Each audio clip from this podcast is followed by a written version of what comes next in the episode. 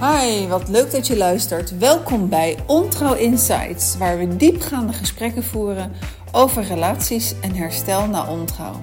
Mijn naam is Annette Burgers. Ik ben relatietherapeute, podcasthost en de ontrouw-expert van Nederland. Deze podcast waarin ik jou informeer over ontrouw, vreemdgaan, overspel, een affaire in de driehoeksrelatie van de vreemdganger, de bedrogene en de derde. Ik maak deze podcast voor jou. Je bent vreemd gegaan, of je bent bedrogen, of je bent de derde en je loopt rond met schuld en of schaamte en je denkt dat je er helemaal alleen voor staat. En overal om je heen zijn oordelen. Hier niet. Hier hoop ik dat je jezelf herkent, dat je jezelf erkent en ik luister ook naar jou. In deze nieuwe serie Ontrouw Insights interview ik een prachtige line-up aan gasten. Ik heb Lydia van der Weijden al geïnterviewd. En je kunt onder andere Vera Helleman, Caroline Roodvoets, Magiel de Graaf, Claudia Krumme, Ad Vingerhoets, George Groenendaal, Cindy Schepers, Astrid Kremers, Leonie Linsen, Jolien Spoelstra, Peter Henneveld en nog anderen verwachten. Maar vandaag heb ik het voorrecht om een uitzonderlijke gast te verwelkomen. Een invloedrijk psychiater, psychotherapeut, auteur en visionair.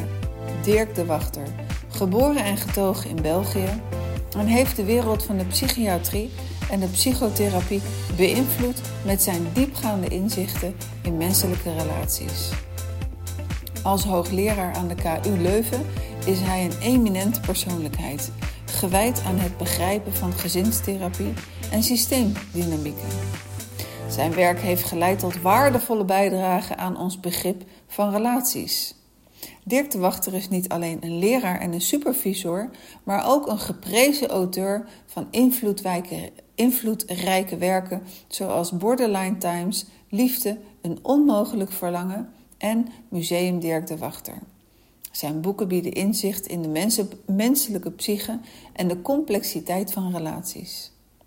Bovendien heeft Dirk de Wachter zijn diep menselijke benadering toegepast op zijn meest recente werk, Vertroostingen, waarin hij zijn persoonlijke ervaring met darmkanker deelt. In dit boek combineert hij zijn professionele expertise met zijn eigen reis door de ziekte, waardoor hij een uniek perspectief biedt op het menselijke kwetsbaarheid, op de menselijke kwetsbaarheid, de betekenis van troost en veerkracht. Nou, ik ga niet te lang verder praten. Ik ga gewoon beginnen. Maar voordat ik begin, nog even: je kunt gratis bij mij op info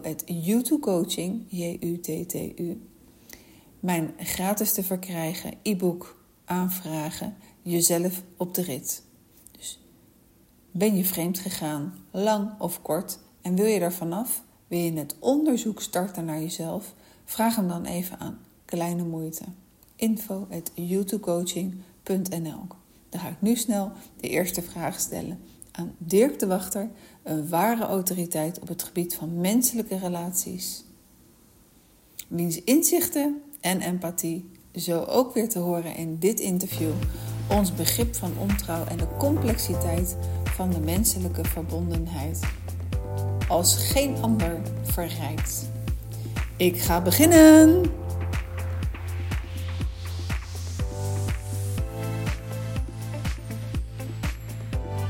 Vreemd gaan? Nooit. Ik niet. Dat weet ik zeker. Dit zijn de woorden van Nina, gelukkig getrouwd met Thijs.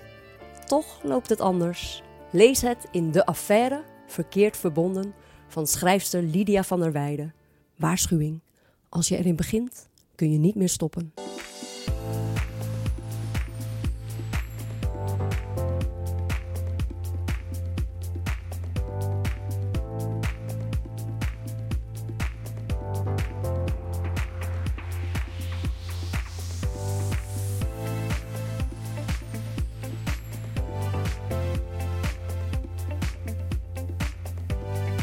Goed, wij gaan beginnen. Ja.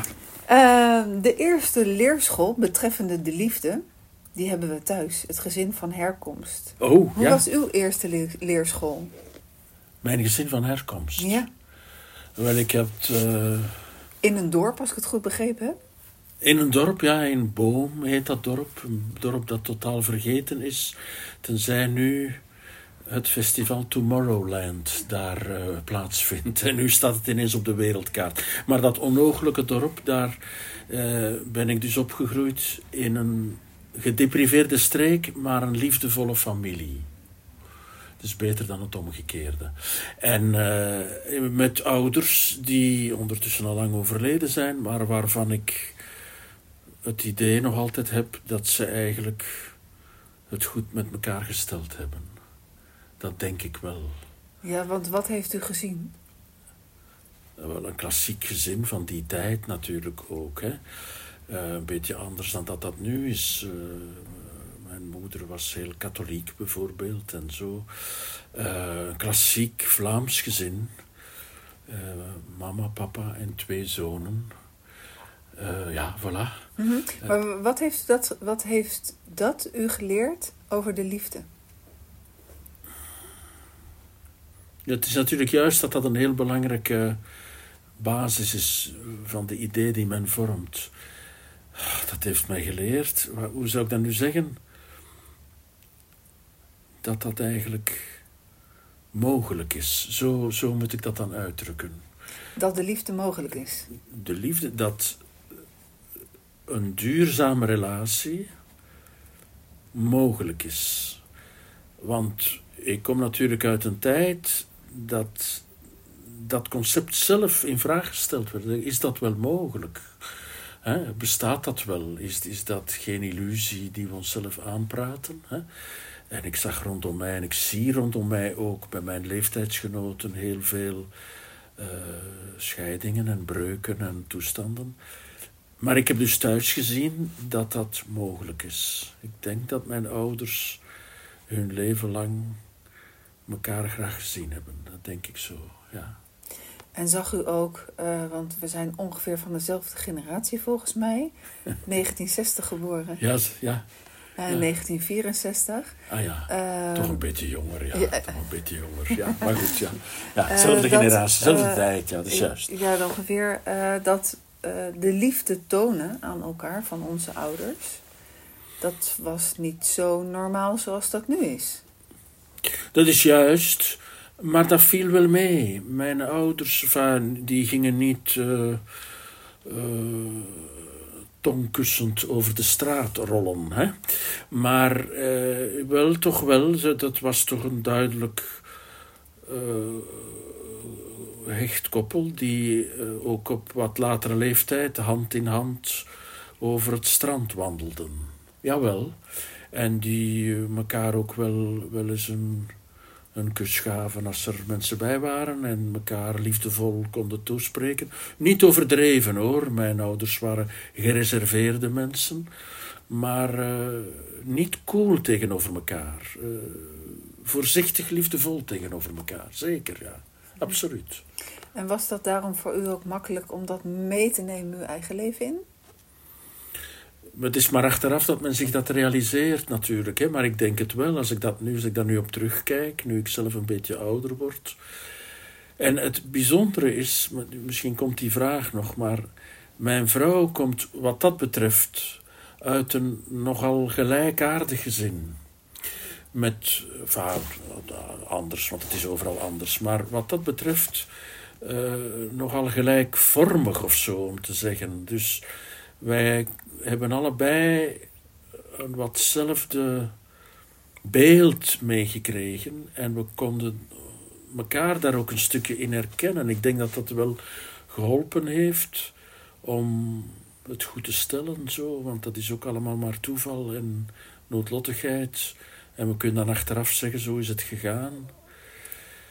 Eh, Ik denk, dat, denk dat dat een rol gespeeld heeft. Dat, dat die twee gezinnen van oorsprong, hoe verschillend ook op andere terreinen, op terrein van liefdevolheid van onze ouders, eh, gelijkvormig was.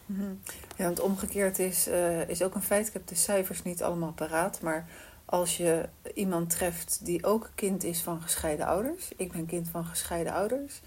Uh, dat je dan uh, 50% meer kans hebt dat je ook gaat scheiden. Ik ken die statistieken ook, ja. ja.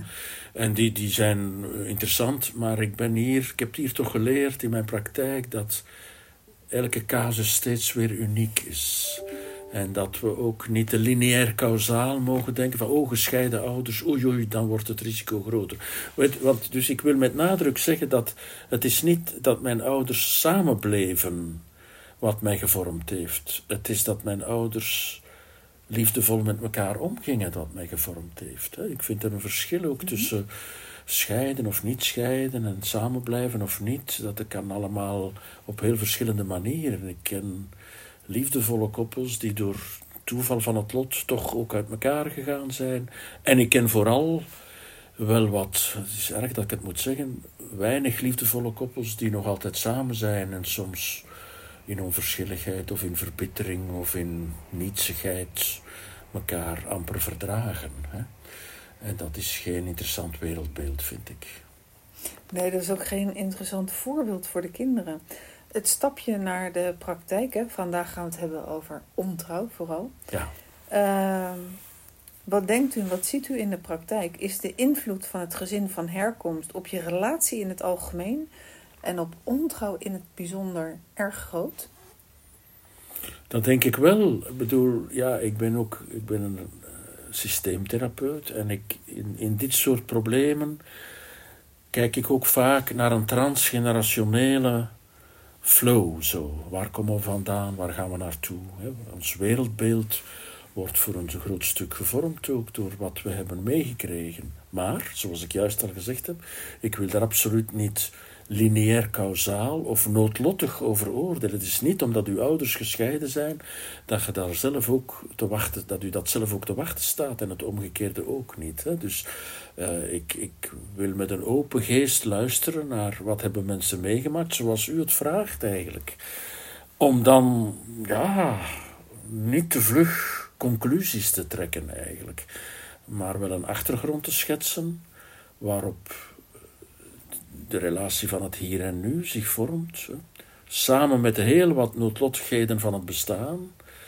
En, en dat is toch ook wel erg belangrijk, met een tijd die ook wel heel erg veranderd is op dat vlak. Hè? Uh, het relationele leven is ongelooflijk veranderd. Ik zat op school in dat kleine dorp waar ik van spreek, in een college met alleen jongens. Hè? Dat was toen zo. Maar ik weet met, met bijna zekerheid dat van die duizend jongens die op dat college zaten, geen enkele ouder gescheiden was. Geen. We spreken van de jaren 60, 70. Dat is toch heel bijzonder. Waar mijn kinderen naar school gingen, het was natuurlijk niet meer in een dorp, maar in de stad, maar het was ook dertig jaar later, was ongeveer een derde in de klas had gescheiden ouders. Dat is vandaag de dag. Mijn kleinkindjes zijn nog heel klein, maar binnen enkele jaren dat cijfer is nog toegenomen. Dus die, die, dat wereldbeeld, die tijd is heel erg veranderd. Is dat goed? Is dat slecht? Dat heeft voor- en nadelen, daar zullen we het nog over hebben. Maar dat maakt natuurlijk heel veel verschil. Eh, en dat is ook absurd om te denken, hoe zouden mijn ouders in deze tijd geweest zijn? Ik heb dus, en ik koester graag ook het idee dat ze ook in deze tijd het goed met elkaar zouden gesteld hebben. Daar zijn ook argumenten voor te vinden, maar eigenlijk, eh, avec des si, on pourrait mettre Paris dans une bouteille, zegt het Frans. Als we als dit en als dat en als dit, dat kunnen we ja, onze fantasie laten gaan. Uh, maar goed, in het relationele leven is de tijd en de mentaliteit heel erg bepalend geworden. Het wordt meer en meer bijzonder om een heel leven samen te blijven. Ik voel me daar ook soms een beetje ongemakkelijk bij. Want? Ja, dan denk ik, ja. Ben ik nu een beetje, een beetje raar of zo? Of, of zie ik het nu niet? Of, of mis ik iets? Of, of uh, ja, of ben ik nu een soort van conservatieve, reactionaire Of er komen nooit vrouwen die de verleiding groot maken op het pad. Wat, hoe zegt u nu? er komen nooit vrouwen die de verleiding groot maken op uw pad. Dat is absoluut niet zo. u zegt dat eh, heel provocerend. Hè? Ja, natuurlijk wel. Kijk, ik. eh, maar nu moet ik. U stelt wel heel persoonlijke vragen. U mag zeggen, hier antwoord ik niet Ik op. mag alles zeggen wat ik wil, dat is wees gerust, dat zal ik ook doen. Als psychiater ben ik het ook gewoon. Ja, maar ik ben. Ik ben een klein beetje gemediatiseerde figuur de laatste jaren. Hè? Dat heeft blijkbaar, en ik zeg het met een soort verlegenheid, een wat erotiserend effect. En eh, er verschijnen absoluut wel meerdere mensen. eh, pas op, het blijft altijd eh, deftig en aangenaam. Hè? Maar in ieder geval, ik word wel vaker gecontacteerd door dames waarvan ik denk: ja, moest ik nu vrij zijn of op zoek zijn, dan zou ik hier wel een avondje willen spenderen. Om het nu zo proper uit te drukken. Hè? Eh, dus ja, nee, ik, ik, ik loop ook niet met oogkleppen in de wereld. Ik ben ook altijd iemand geweest die hoe zal ik dat nu voorzichtig allemaal zeggen? Alleen bedoel, die niet ongevoelig is voor de vrouwelijke charme. Mag ik dat zo uitdrukken? Hè? Tegelijkertijd opgevoed is met een, ja, en ook van karakter. Iemand is met een soort van gereserveerdheid en terughoudendheid. Dat helpt ook wel een beetje. Ik ben ook een Vlaamse jongen. Als ik nu het verschil tussen Vlamingen en Nederlanders mag gebruiken. Iets wat teruggetrokkener, iets wat stiller, iets wat minder direct in de contactnamen en zo. Misschien is dat ook een factor die, die bepaald is geweest. Eh, Ik weet het allemaal niet. eh. Maar de grootste factor is natuurlijk dat ik zelfs in moeilijke tijden. ja, altijd wel heel erg. echt waar mijn vrouw heb, heel graag heb gezien. En er zijn wel moeilijke tijden geweest. Ik, ik praat maar, mag ik dat hier Ja, vertellen? ja? Een moeilijke tijd vond ik bijvoorbeeld als de kinderen klein waren. Dat was een heel drukke tijd en ik ben niet zo'n ongelooflijke kindermens. Zo.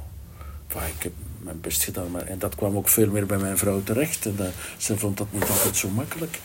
En dus dat was voor ons als koppel zo, ja, toch niet zo'n makkelijke tijd. Oh ja, goed, je moet dat ook niet dramatiseren hoor. En nu, en dat is het omgekeerde, nu, ik ben vorig twee jaar geleden heel ziek geworden. Echt heel ziek, levensbedreigend. Het is nog altijd niet makkelijk. En nu, bijna anders dan dat ik mij had voorgesteld, heb ik mij heel erg ik heb heel erg nabij mijn vrouw. En dat nog altijd eigenlijk. Want ik ben altijd een nogal onafhankelijke geest geweest. Op mezelf zo. Heel goed alleen kon ik zijn. Ik heb veel gereisd voor mijn werk ook. En ik kon heel makkelijk op een hotelkamer een boek lezen en een wandeling maken en al die dingen. Dat was, ging mij heel goed af. En nu ben ik door mijn ziekte en heel die, dat proces en bijna dood en al die dingen heel erg nog meer of meer eh, in, in een soort afhankelijkheid gekomen, wat mijzelf verwondert. Dus wat ik wil zeggen, er zijn in de loop van de jaren wel wat golven geweest in dat relationele leven, eh, maar dat heeft goed stand gehouden. Het is nooit helemaal eh, ernstig bedreigd, denk ik. Ja, als ik het denk, zal het zo zijn.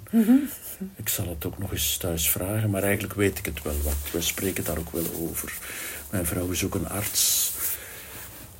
Ja, en eh, er zijn mensen die over die dingen ook wel goed kunnen spreken. Wat ik denk, wat een voordeel is in dit soort zaken. Kunnen we Ja. overleggen. Ja. Wij hebben thuis daar de meldingsplicht over. En dat betekent als je merkt dat je open staat voor contact van buiten, dan bespreek je dat samen. Want dan is er blijkbaar ook iets nog te doen in de relatie. Achterstallig onderhoud of je bent ergens sta je ontvankelijk tegenover.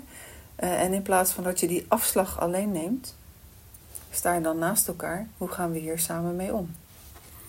Dat is een mooi idee en ik heb een beetje de, de idee dat we dat ook wel hebben.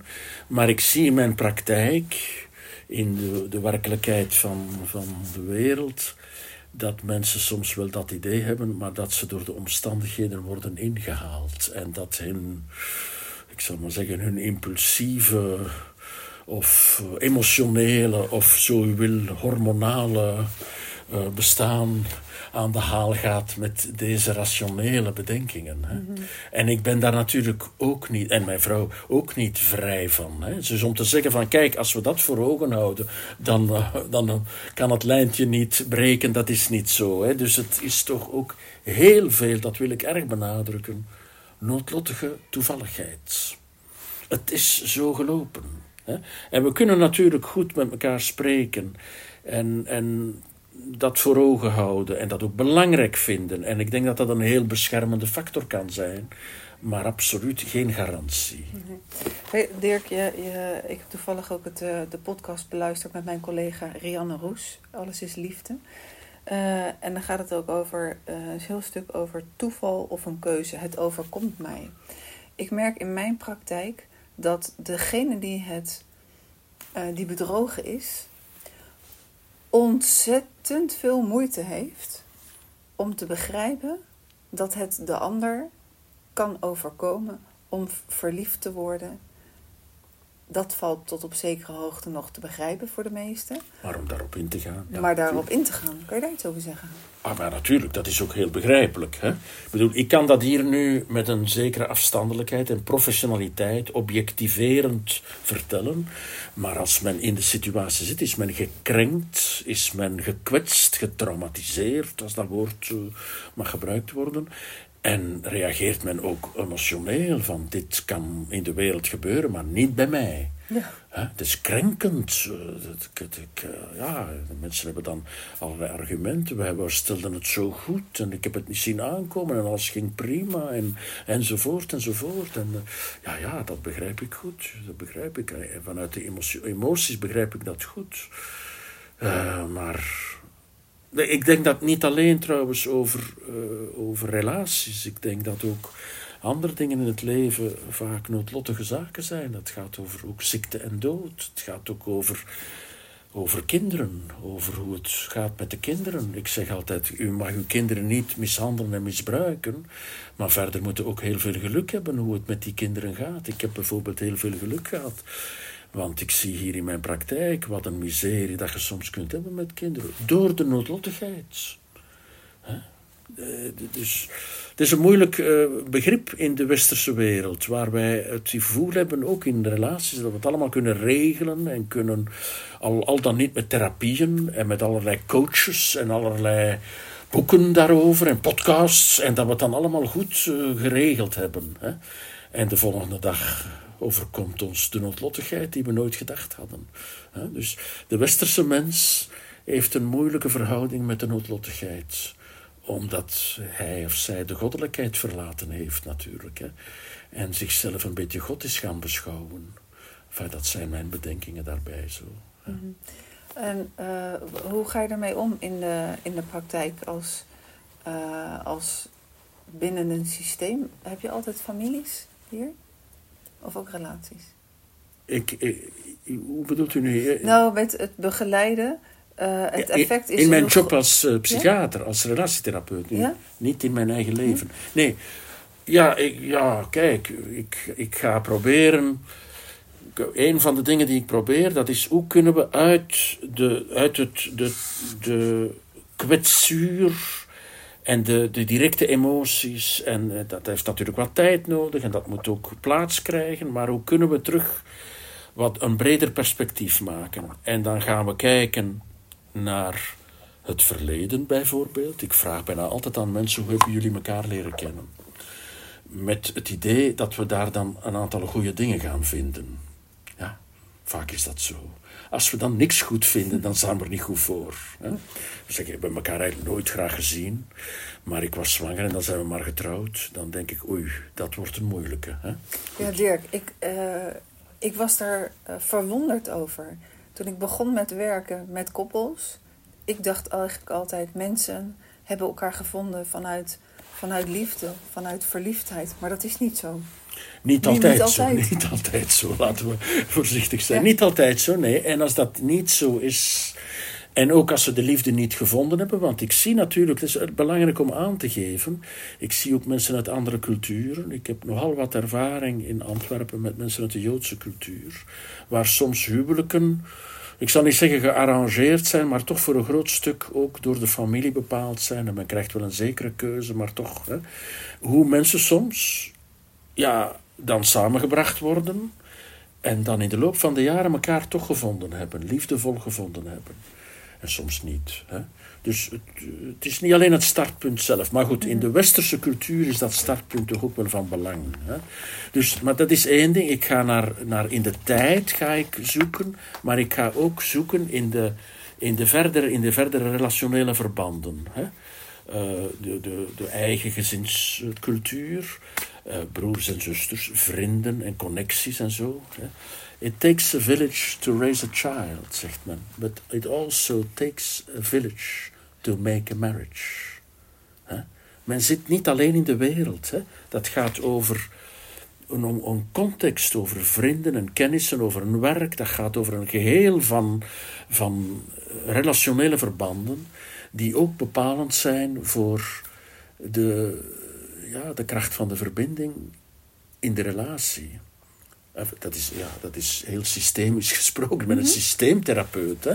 Dus ik probeer toch een beetje uit. Eh, want heel vaak zitten mensen hier dan met een heel grote kwetsuur. Met soms, als ik eerlijk ben, zitten ze hier ook eigenlijk met de toelating te vragen om uit elkaar te gaan. Daar komt het op neer. We hebben alles geprobeerd. We zijn zelfs bij de psychiater geweest. Ja, en dan, dat ondervind ik nogal snel heel vaak in een eerste gesprek denk ik van wat is dat hier eigenlijk voor een, een raar gesprek. En wat ik dan heel vaak doe, soms een beetje tegen de regels van veel relatietherapeuten, dat is zeggen meneer, mevrouw, ik voel een beetje rare dingen allemaal. Ik ga jullie ook eventjes apart spreken. Ik geef u een afspraak apart. En dan spreek ik met de mensen apart en dan zeg ik van, wat vindt u eigenlijk? Hoe ziet u En dan zegt vaak een van de partners: Ik zei het eigenlijk helemaal niet zitten. Ik wil niet meer verder. Maar ik heb het nog niet durven zeggen. denk ik, ja, dat gaan we dan durven zeggen. Hè? Dus heel vaak gaat het toch ook daarover hoor. We moeten die relatietherapie ook niet te romantisch beschouwen als een soort van, van toegang tot de eeuwige liefde of zoiets. nee, die bestaat ook. Nou ja, het hangt er vanaf, hè? De eeuwige liefde bestaat niet als categorie als zodanig. Hè. Het is altijd een. Het is altijd uh, een uitdaging. Het is altijd zoeken. Het is altijd, als men zelf genoegzaam achterover zit en zegt van kijk bij ons gaat dat niet gebeuren. Ja, dat is begin van het einde, zeg ik altijd. Wees maar wat op u. Niet dat je altijd ongerust moet lopen, maar wees toch. Kijk, wat eigenlijk echt belangrijk is. Hè. Wees aandachtig wees, denk niet dat het zomaar vanzelf gaat. Wees aandachtig, liefdevol, aandachtig. Wees kwetsbaar ook. Dat soort uh, dingen, dat vind ik erg belangrijk. En nu spreek ik ook over mijzelf hoor. Ja. Ik wist niet dat u over mijzelf ging vragen. Maar goed, het, uh, het, het was een opstapje, we blijven er wat langer in hangen. we gaan door naar de volgende vraag. Ja. Ja. We hadden het een, een, over het stukje um, hoe moeilijk het is hè, dat, uh, om te begrijpen dat je partner verliefd kan worden en daar ook nog iets mee doet. Um, hoe, hoe kan je dat proces om je partner daarin te vergeven, hoe kan je dat helpen als systeemtherapeut, als psychiater? Als begeleider? Het is een hele moeilijke. Hè? Het is een hele moeilijke. U gebruikt het woord vergeving. Ik gebruik dat woord eigenlijk niet zo, omdat dat eh, bij ons in, in het katholieke Vlaanderen een heel erg religieuze uh, context heeft. Alsof ik een soort zegen zou kunnen geven Een soort biecht en een zegen waarbij het dan vergeven is. En ik heb geen goddelijke en priesterlijke macht. Dus ik denk dat het eigenlijk. Ik denk eigenlijk, maar ik ben daarin niet altijd heel optimistisch. Uh, mijn vrouw vindt dat ik daar soms een beetje pessimistisch in ben. Ik denk dat dat een kwetsuur is die nooit helemaal weggaat. Ik denk zelfs als ze helemaal weggaat, dat het een ontkenning is van een stukje realiteit. Dat, we, dat de realiteit is dat we met de kwetsuur moeten leven. Dat het een litteken is waar we niet kunnen naast kijken. Dus soms wel het kan herstellen, maar die in de loop van het leven altijd verder nog de kop kan opsteken op moeilijke momenten. En blijvend wel wat, wat pijn kan doen. Ik denk dat het een illusie is om te zeggen dat is nu afgesloten en alles is in orde en alles is prima enzovoort. Dus dat is mijn visie daarop. Dat mhm. we daar niet te romantisch, dus het idee van uh, what does not kill you makes you stronger. Hè? Natuurlijk, als psychiater zie ik hier ook hoe getraumatiseerde mensen ook niet sterker geworden zijn door het misbruik. Hè. Allee, wat een verschrikkelijk idee is dat. Hè. Het maakt een mens heel erg broos. Maar het, het, lukt wel om dan. Het, maakt u wel bewuster ook. Er zijn soms ook wel eh, goede dingen aan. Het maakt u bewuster, het maakt u alerter. Het maakt dat een echtpaar ook misschien, als ze dat al kunnen, samen uh, ja, meer gaat praten, wat meer aandacht geven aan liefdevolle dingen en, uh, enzovoort. Hè. Dat, dat ze aandacht hebben voor wat ze tevoren verwaarloosd, dat kan allemaal wel, maar een buitenechtelijke contact, een uitschuiver of een relatie, het hangt er ook vanaf hoe intensief en hoeveel en zo, enzovoort, uh, is niet iets dat onder de mat kan verdwijnen. Er blijft een bobbel onder de mat. Ik gebruik die vergelijking al eens vaak, want u ziet, hier ligt ook een mat. Ja, ik, had, dus... net mee zitten stoeien met het verschuiven van de stoel. Ja, ja, er zitten bobbels in. Ja, daarom dat ik hier in deze praktijk ook die vergelijking al eens gebruik. Er blijft een bobbel onder de mat. We kunnen dat niet wegdoen. Ja, voilà, dat is mijn overtuiging. Ja, wij zeggen in, in Nederland, zeggen, er, zit een, er staat een roze olifant in, uh, in de kamer dus eh, je blijft er toch wel op een bepaalde manier aan denken. Als ja, die, zeker, omdat die, uh, zeker, roze is. Ja, um, degene die vreemd gegaan is, die wil het goed maken. En ik gebruik het woord vergeven omdat ik wel denk en merk dat degene die bedrogen is, wel een, voor een deel open moet staan, een deel moet vergeven om weer in contact te komen. Of onschuldigen, of welk woord, maar of accepteren. Uh, maar je moet er iets mee, want anders kom je niet meer in contact. Ja. Uh, degene die vreemd gegaan is, uh, die heeft voor een groot deel de verantwoordelijkheid om, om het traject in te zetten. Want vaak gebeurt het toch wel, daar zijn ook wel weer cijfers over, dat er maar een iets, een heel klein deeltje van degene die vreemd gaan, daadwerkelijk voor de minnaar of de minnares eh, kiezen. Mhm. heel vaak, veel, veel vaker blijven ze gewoon thuis. Dus dan mhm. worden ze ook wel wakker geschud. Ik wil mhm. helemaal niet weg. Ik wil bij deze vrouw of deze man blijven. Hoe kijkt u naar dat stukje wat deze persoon dan te doen heeft ten aanzien van de getraumatiseerde partner? Erkennen dat er daar iets misgelopen is, natuurlijk. Hè? Eh, op een of andere manier kunnen zeggen van daar heb ik, eh, ben ik verkeerd geweest. Ik, eh, ja, daar zijn verklaringen voor enzovoort. Maar op een of andere manier toch durven zeggen, ik heb u pijn gedaan. Ik besef dat dit heel erg is voor u. Het kunnen erkennen van het leed van de ander.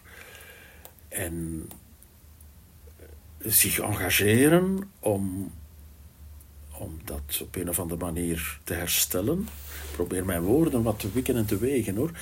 Uh, ja, om, om dus niet op de knieën te zitten en vergiffenis te vragen op een dramatische manier, maar met geheven hoofd elkaar in de ogen te kijken en te zeggen van oké, hoe kunnen we nu aan de slag? Hoe kunnen we nu nadenken wat er gebeurd is, daar iets uit leren en proberen samen terug op weg te gaan.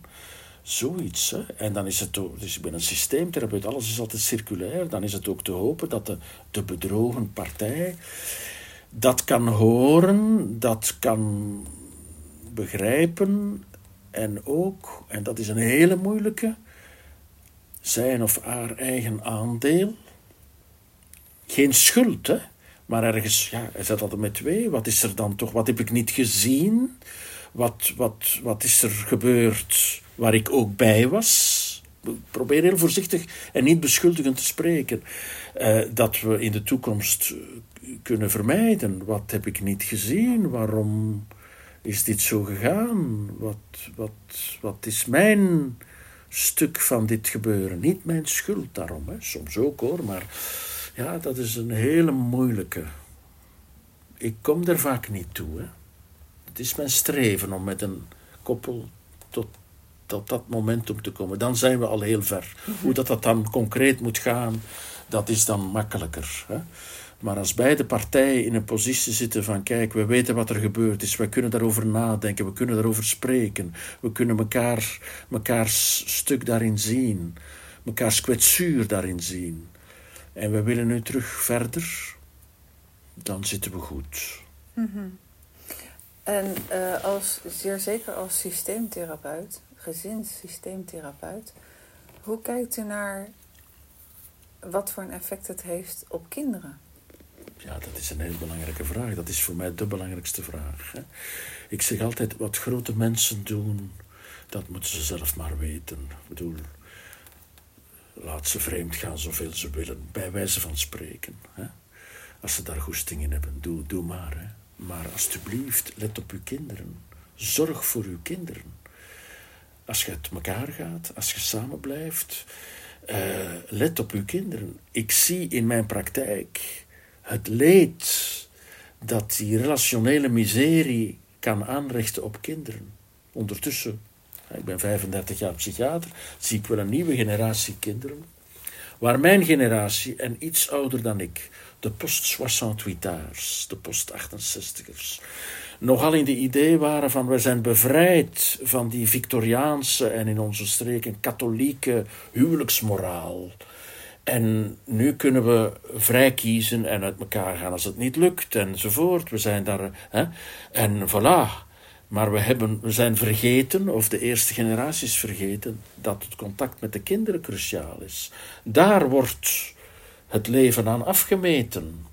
Dus ga uit elkaar.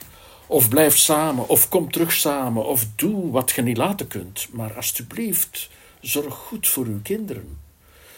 Uh, en daar zegt hij, daar ben ik eh, heel dwingend in ook. Hè. Dus als hier mensen zitten en ik denk, oh, relationeel is dat een ramp, dat gaat hier nooit lukken, dan denk ik, ja goed, dat is ook dat is wat het is. Hè. Wie ben ik om, uh, om mij daarover te oordelen? Maar het is altijd, hoe gaan we dat doen met de kinderen? Hè? Want zowel mensen die samen blijven en elkaar dan blijven verwijten en, en in een negatieve spiraal blijven uh, ja, oorlog voeren of uit elkaar gaan en ook nog oorlog voeren, is vaak ten koste van kinderen. Dus dat is altijd mijn, mijn eerste bezorgdheid gaat naar de volgende generatie. Ook wat grotere kinderen. Mensen denken soms, ja, maar ze zijn groot genoeg, nu hebben ze geen last meer van. Uh, slechte relaties zijn zeer lastig voor opgroeiende kinderen. Dat vind ik een heel belangrijke. In, in het gesprek met mensen ook is dat voor mij een heel een hot topic. Mm Ja, ze kunnen zomaar uh, heel spontaan last krijgen van, uh, gechargeerd gezegd, hè, van bindingsangst, verlatingsangst. Juist, dat zijn de technische termen die we daarvoor gebruiken. Ja. En kinderen, hun beeld van relaties wordt natuurlijk, u hebt het mij gevraagd, voor een groot stuk gevormd ook door wat ze thuis gezien hebben. En nogmaals, dan heb ik het niet over samen blijven of niet samen blijven aan zich, dan heb ik het over de manier waarop dat, dat gebeurt. En de manier waarop ze dat samen blijven of niet naar hun kinderen vertalen, verwoorden, vertalen. De, de, de verticale connectie over de generaties is belangrijker dan de horizontale connectie. Misschien kunt u dat even uitleggen voor mensen die nog nooit van horizontaal en verticaal gehoord hebben. Ah, wel, ik ben een romanticus, hè? ik ben absoluut een romanticus. Ik geloof in de liefde enzovoort enzovoort. Maar kijk, als mensen andere keuzes maken en ze gaan uit elkaar en ze hebben een nieuwe relatie en zo, dan wil ik dat ook weer ondersteunen en dan denk ik dat dat ook wel goed kan zijn. Maar kinderen kan men niet verwisselen. Men kan zijn partner, in onze cultuur toch, hè, zijn partner inwisselen, of haar partner inwisselen. Maar de kinderen niet. Hè? Dat is fundamenteel. Die, die, die beworteling die over die generaties heen gaat, van ouders naar kinderen, in die richting ook, is ja, ontegensprekelijk, onvoorwaardelijk ook. Ik geef altijd, als u zegt over mensen die, die geen uh, professionele achtergrond hebben, geef ik altijd zo het voorbeeld als uw partner een moord begaat, dan kan ik me voorstellen dat je zegt van nu stop ik er hier mee. En eh, ik ga ook niet meer op bezoek. Hè. Als uw kind een moord begaat, dan blijft je op bezoek gaan. Ook als je zegt, maar jongen of meisje, hoe is dat toch kunnen gebeuren? U gaat op bezoek en u neemt Haagse koekjes mee. Of zo. Hè. Begrijpt u dat de, band tussen ouders en kinderen overstijgt ook de rationaliteit. Is wezenlijk. Spijtig genoeg is de realiteit soms anders, hè, maar uh, ja, dat, dat is iets heel belangrijk. Ja, voilà, dat vind ik. Mhm. Ja, en uh, wat heb je dan te doen? Je hebt uh, zorgen voor de kinderen, maar wat betekent dat praktisch? Wat, waar zorg je dan voor? Dat je geen ruzie maakt in het bijzijn van de kinderen, dat je uh, niet vertelt, je vader is vreemd gegaan of je moeder is vreemd gegaan, het is haar schuld. Hoe ziet het er praktisch uit?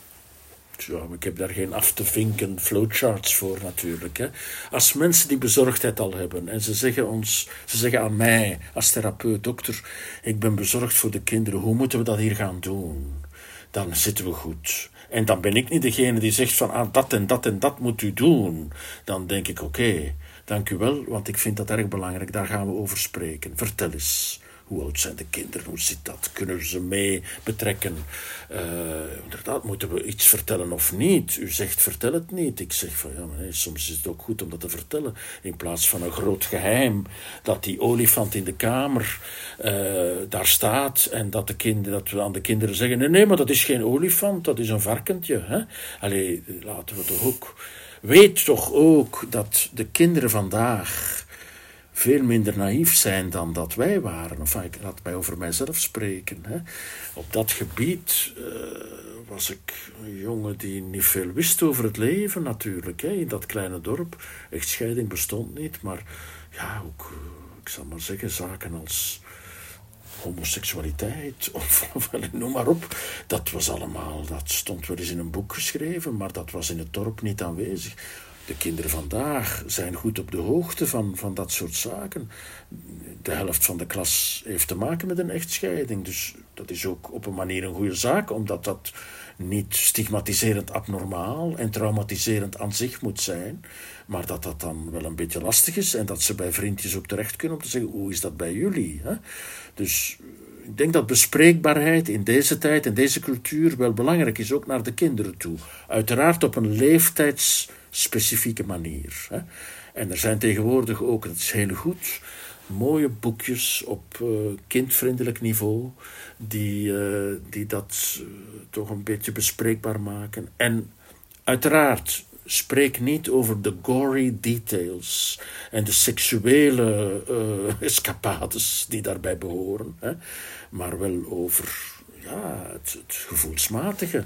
Hoe mama heel triest is geweest omdat mama en papa elkaar een tijdje minder graag gezien hebben. Ja, dat moeten we niet ontkennen. Hè? Niet beginnen zeggen, ja, mama is heel triest omdat ze uh, op haar werk, ik weet niet wat heeft. Nee. En vooral, en dat is heel belangrijk, mama en papa zijn heel triest of een beetje boos of dat en dat en dat en dat. Niet omdat de kinderen iets verkeerd doen. We zien jullie heel graag. We willen het beste voor jullie. We zijn nu een beetje trist en we maken wat ruzie, maar we zien jullie heel graag. Echt heel belangrijk. Mm. En we lossen het samen op. Dat hoop ik dan wel, ja. Ja, dat ze het niet neerleggen bij de kinderen, om, omdat zij de kinderen voor de ouders gaan zorgen of voor de meest verdrietige ouder. Absoluut, ja. Gepaternaliseerde kinderen is zeker een probleem. Ja, maar dat is een moeilijke. Dat is een hele. Dat zie ik natuurlijk vanuit de psychiatrie. Uh, het is soms ook heel mooi hoe kinderen een stukje zorg opnemen om dat te zeggen dat ze dat niet mogen, is ook weer niet goed. Het is altijd ingewikkeld. Ik heb een heel ingewikkeld beroep. Hè. Dus om hen daarin te versterken, te erkennen, te, te, mobiliseren, maar tegelijkertijd ook te helpen, te ondersteunen. Hè. Dat is eigenlijk de goede manier om met gepaternaliseerde kinderen om te gaan. Naar gelang de leeftijd ook natuurlijk. Hè. Het bespreekbaar maken is toch een hele belangrijke. Op een leeftijdsadequate manier bespreekbaar maken. En hen niet in het conflict zuigen. Wat wel al eens gebeurt natuurlijk. Hè. Ja. Mm Dirk, ik heb een heel lastige vraag voor je, maar ik vond hem zelf heel erg leuk toen ik hem bedacht. Welk koppel, los van al jouw kennis die je hebt eh, vergaard van de opleidingen en misschien van om je heen, je privéleven, wat er om je heen gebeurt, zijn er koppels die jou een inzicht hebben gegeven, een, een, een bewustzijn, een, een leermomentje, waar dat echt puur kwam door het begeleiden van dat koppel? Op een stuk ontrouw? Ja, maar allemaal. Dat is nu juist het bijzondere van mijn beroep. Dat, ik, dat gaat niet alleen over koppels, maar ook individuele mensen en gezinnen. Dat is altijd leerrijk, maar dat is te cognitief gezegd. Dat is altijd vervullend, dat is altijd boeiend. Ik heb een formidabel beroep en ik word daar ook voor betaald, weet u wel. Mhm. Soms ook hard werken hoor en, en, emotioneel moeilijk en zo, maar het is altijd van betekenis. Mhm. En soms komt dat natuurlijk erg binnen, omdat het bijvoorbeeld iets is dat, dat dichtbij komt, herkenbaar is, waar ik zelf, ja, mijzelf ook een stukje in terugvind. Hè. Soms staat dat verder af. Uh, enzovoort. Allee, dus dat is ja, heel wisselend, maar altijd wel betekenisvol. Kan je daar een voorbeeld geven zonder namen te noemen van de cliënten? Van welk een voorbeeld van wat? Ja, een voorbeeld van dat er, uh, dat er een mooie les, een mooi inzicht, een extra inzicht, een betekenisvol inzicht uh, bij je binnenkwam in de begeleiding van een koppel of een gezin.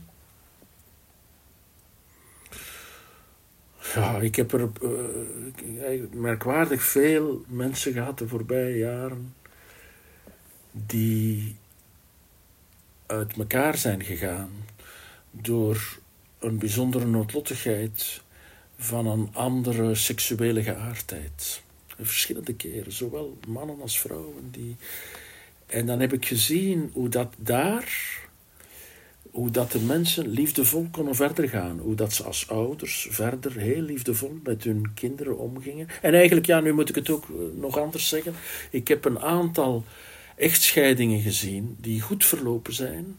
Waar, eh, waar de mensen goed voor hun kinderen zijn blijven zorgen. Waar ze ook op een respectvolle en goede manier met elkaar zijn blijven omgaan. En dat vond ik altijd een heel hoopvol en goed gegeven. Waarvan ik dacht ik weet niet dat ik het zou kunnen. Echt waar. Omdat ik. Uh, het is momenteel ook niet nodig hoor, maar ik, ik ben. Denk ik heel erg. Ja, in mijn romantische visie over de liefde heb ik zo'n beetje het idee van als dit niet zou gaan, dan kan ik er niet meer over spreken. Dan is het gedaan en dan ja, denk ik zo. Dat zijn de ideeën. En ik zie dat dat niet hoeft. Ik heb al verschillende keren weder samengestelde gezinnen gezien die het goed stellen, ook met hun kinderen enzovoort. Bewonderenswaardig. En ik weet niet of ik dat zou kunnen. Dat zeg ik nu heel eerlijk. En daar leer ik dan wel van. Dan denk ik van ja, maar eigenlijk het gaat wel. En dat mensen kunnen dan een beetje afstand nemen van hun kwetsuren, van hun ja, het verlies van dromen en uh, nieuwe dromen in de plaats stellen. En, dat is altijd mijn punt, de kinderen prioritair houden. In weder samengestelde, soms ingewikkelde structuren. dat vind ik soms heel bijzonder. Ik heb er dus een aantal, daarom dat ik dat nu voor ogen had, een aantal mhm. Voorbeelden van uh, homoseksuele mannen die na twintig jaar huwelijk ineens uit de kast komen. Uh, ik vind dat heel raar zelf.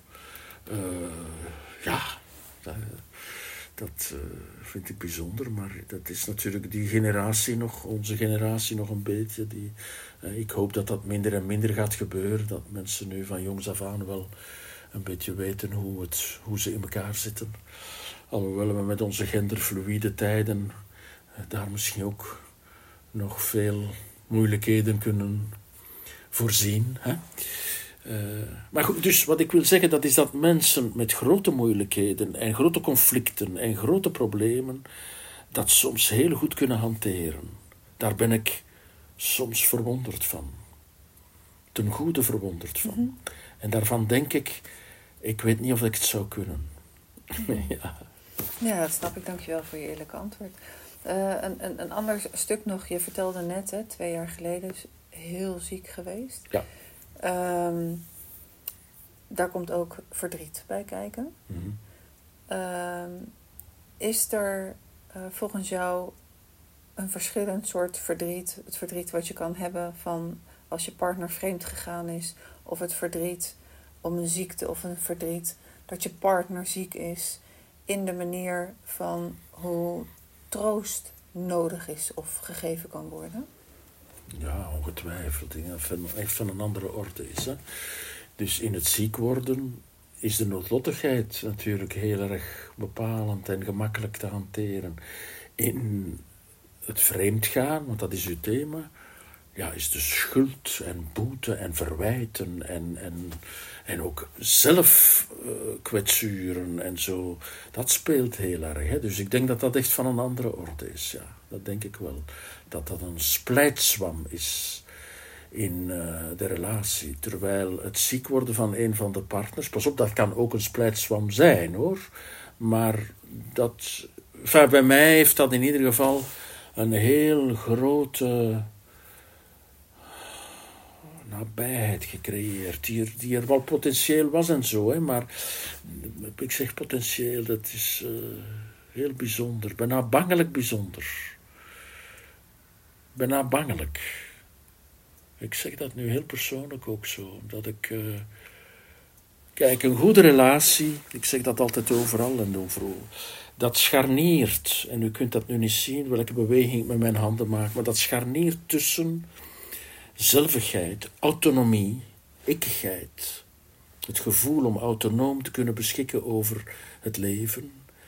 En verbinding, samenhorigheid, gemeenschappelijkheid. Daartussen scharniert dat. En ik gebruik het scharnieren omdat in de levensloop die dingen ook wel een beetje kunnen, kunnen veranderen naar gelang kleine of grote kinderen, naar gelang werksituaties naar gelang allerlei levenslooptoestanden. Hè. En scharnieren betekent ook dat je met twee, de een kan wat meer op zichzelf of wat dichterbij, en de ander kan wat meer op zichzelf wat dichterbij. Dus dat is het leven. En de kunst is, hoe kunnen we dat scharnier geolied houden? En dan kan dat best iets meer uit elkaar gaan of iets dichter bij elkaar komen. Maar altijd dicht bijeen, is bedreigend voor de relaties, symbiotiserend en al te ver uiteen natuurlijk ook aan elkaar kwijtspeelt. Hè. Bij ziekte kan zoiets gebeuren. Al te ver uiteen. Een andere manier om ermee om te gaan. Ook bij verlies. Verlies van een kind bijvoorbeeld. De uiterste vorm van verlies. Ofwel uit elkaar, ofwel heel symbiotisch bij elkaar blijven. En ik heb bij mijzelf gevonden want ons leven is altijd heel goed verlopen, zonder grote verschrikkelijkheden. Ik heb bij mezelf ondervonden bij het ernstig ziek worden, bijna dood en zo. Ik ben ook, mijn prognose zit niet zo goed, dus de dood zit hier bij ons. Ik heb gezien hoe ik zelf mij heel erg nauw heb willen vastklampen aan mijn geliefde.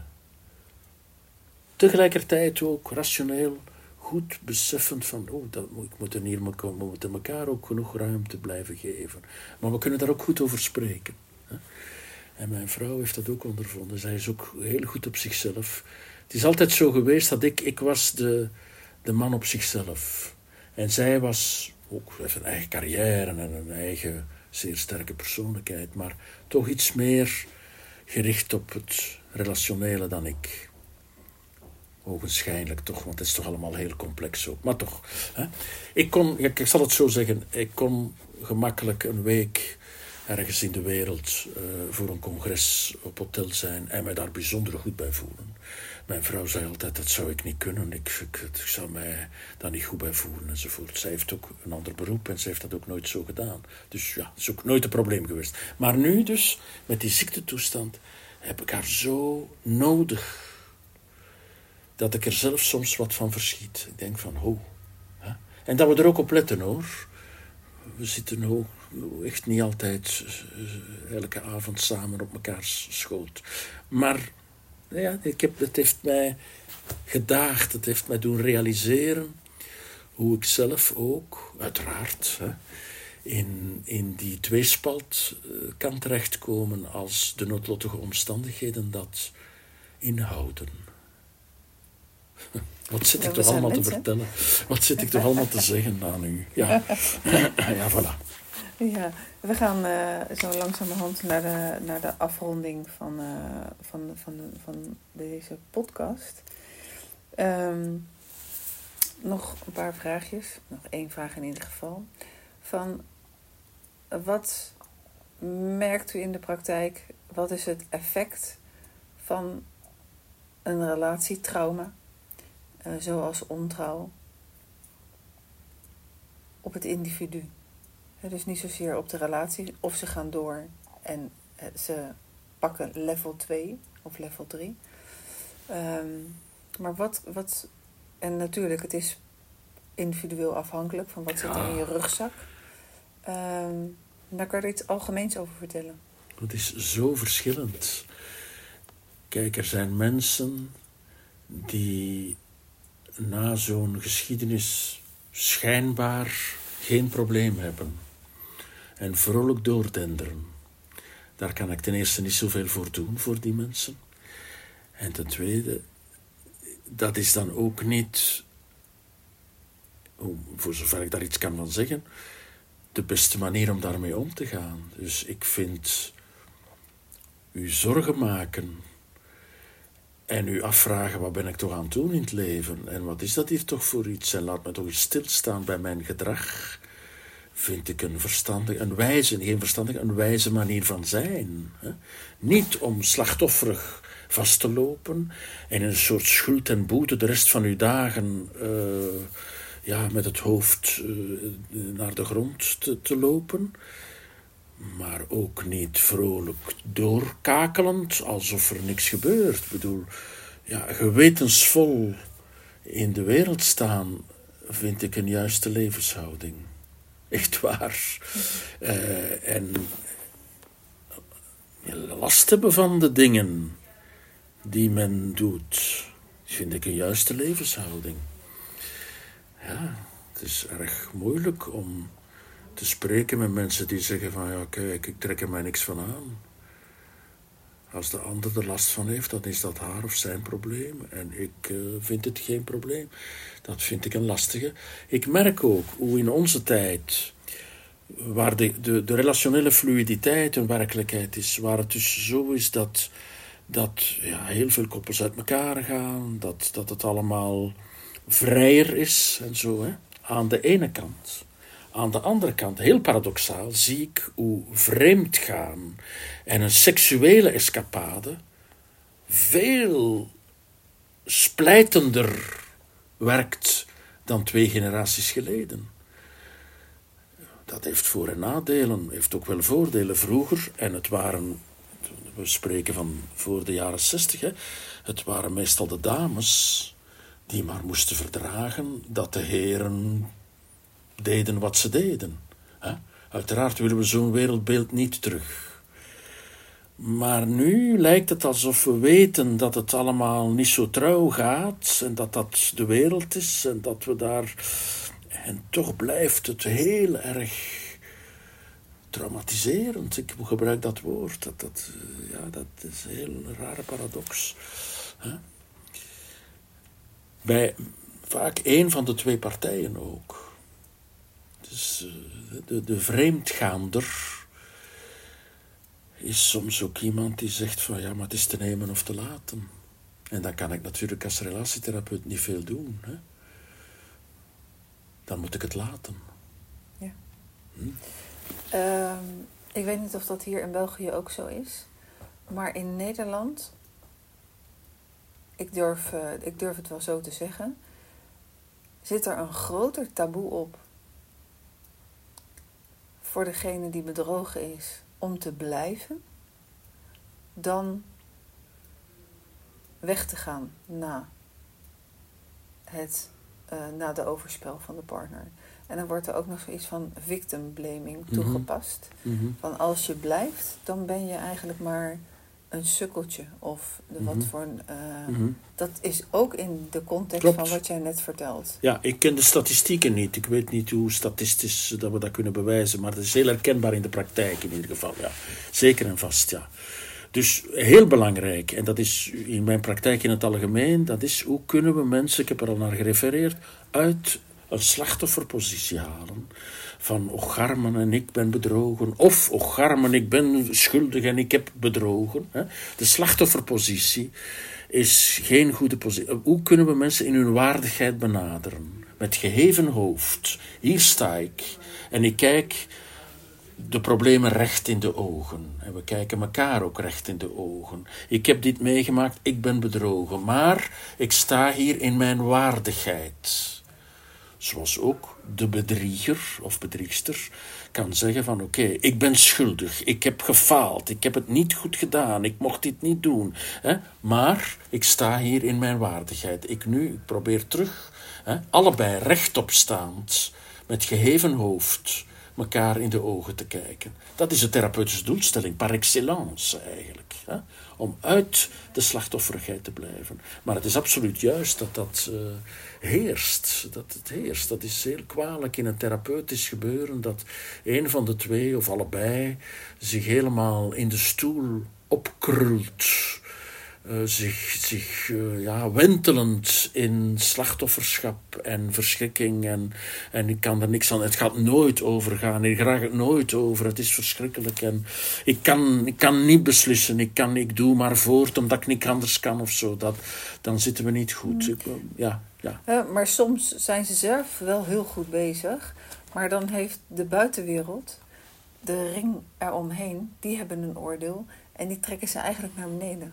Dat is juist, onze cultuur durft dat wat hebben. Dat is wat ik zeg, merkwaardig hoe we hebben een buitenwereld die blijkbaar heel erg los met relaties omgaat. Maar als het erop aankomt bij buitenechtelijke dingen, heeft men een oordeel. En dat is inderdaad juist een oordeel over de de buitenechtelijke, maar ook een oordeel over de bedrogenen. En de buitenwereld, en zeker met social media, is soms onwaarschijnlijk kwetsend. Soms ook, en dat is helemaal verschrikkelijk, met goede bedoelingen. Van, je gaat toch niet bij die man blijven, zeker? Ja, zeg, laat de mensen zelf beslissen, alstublieft. Ja, ja, dat is, dat is absoluut heel herkenbaar. Ja, ja er nog een laatste boek aan, een volgend boek aan. Uh, ik heb het boek gekocht voor mijn moeder om voor te lezen. Mijn moeder was toen al ziek, hè, want we hadden eerder een afspraak, die heb ik voor Ja. Ik heb hem niet uit kunnen lezen voor mijn moeder, toen overleed ze. Maar ik heb wel een paar uur naast haar bed gezeten en het voorgelezen. Komt er een volgend boek aan? Voorlopig. Er zijn heel veel vertalingen in de maak van mijn boeken. En dat uh, vergt nu wel wat energie. Dit boek heb ik op mijn ziekbed een stukje in één gulp bijna uh, kunnen maken. Het is ook uh, helemaal niet zo wetenschappelijk onderbouwd door vrochten werk. Het is een heel erg vanuit mijn buik. Hè. En blijkbaar is het heel herkenbaar voor vele mensen. Mhm. Dat is, doet mij wel plezier ook. Hè. Maar momenteel is er geen boek in. Er zijn een aantal projecten in de pipeline waar ik eh, nog niks van mag zeggen van de uitgever. Dus de uitgever zit heel erg achter mijn, achter mijn veren. Achter uh, ja, ja, de, de uitgever misprak zichzelf. Was een van de eerste mensen toen ik terug thuis kwam na het ziek, na lang ziekenhuisverblijf.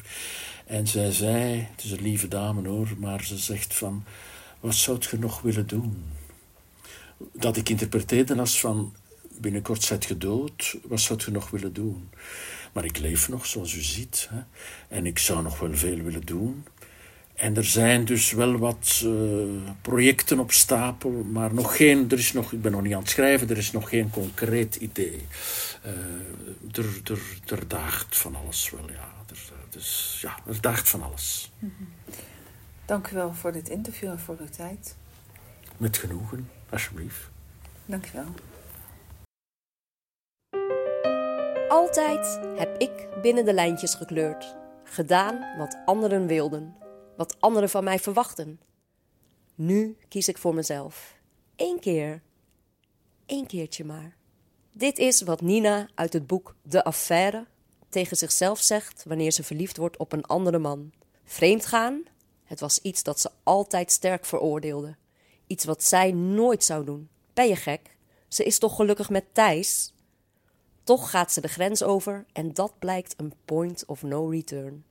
De affaire van Lydia van der Weijden is een levensecht verhaal over wat het betekent om vreemd te gaan. Het biedt herkenning en inzichten en zet de lezer aan het denken. Wat zou jij doen als je Nina was? Het boek De Affaire, met als ondertitel Verkeerd Verbonden, is voor 15 euro te koop op bol.com. Waarschuwing. Als je erin begint, kun je niet meer stoppen. on the